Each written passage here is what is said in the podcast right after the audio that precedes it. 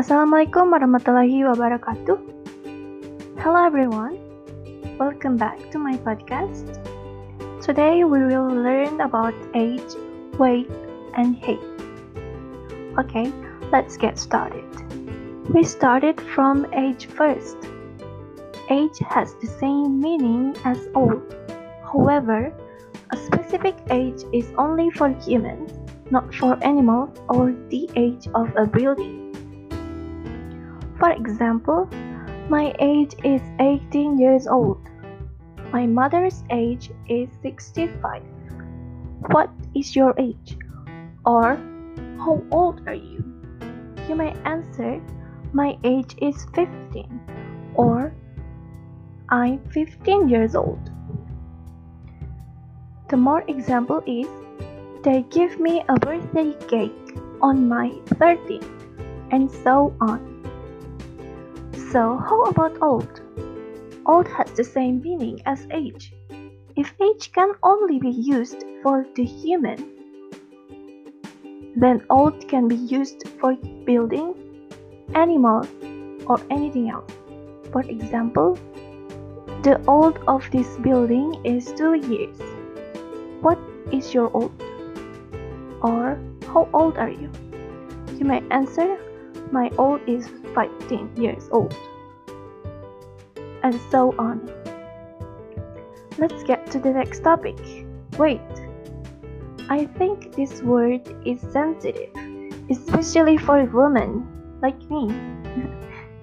One of the things that concern the majority of people is physical shape, including body weight.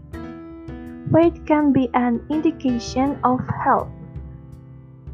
It is also the thing that is most easily seen when change occurs. Then what can we say to ask about a person's weight? Is the discussion about weight common among Westerners in general? Here the example. Here the example. What what's your weight? How much is your weight? And so on. How about height? There are two kind of expression. That is tall, high, tall and high. Tall means high, height, or length. Tall is used for humans or for tree. For example, my tall is 170 centimeters or my height is 170 centimeters. How tall are you? You may answer, I'm 170 centimeters tall or my height is 170 centimeters. For the more example is for the more example is I can't reach this tree. It is so it is so tall. Are you tall or short? And so on. But how about high? High also means height, but high cannot be used for human, but object. For example, this tower is so high. Your hill is so high. I don't like high stair. Do you know that sky is so high? And so on. But I have the example of dialogue. Here the example. My um, person A. Hi, do you have a swimsuit for two year or for a two year old girl? Person B. How much does she weigh?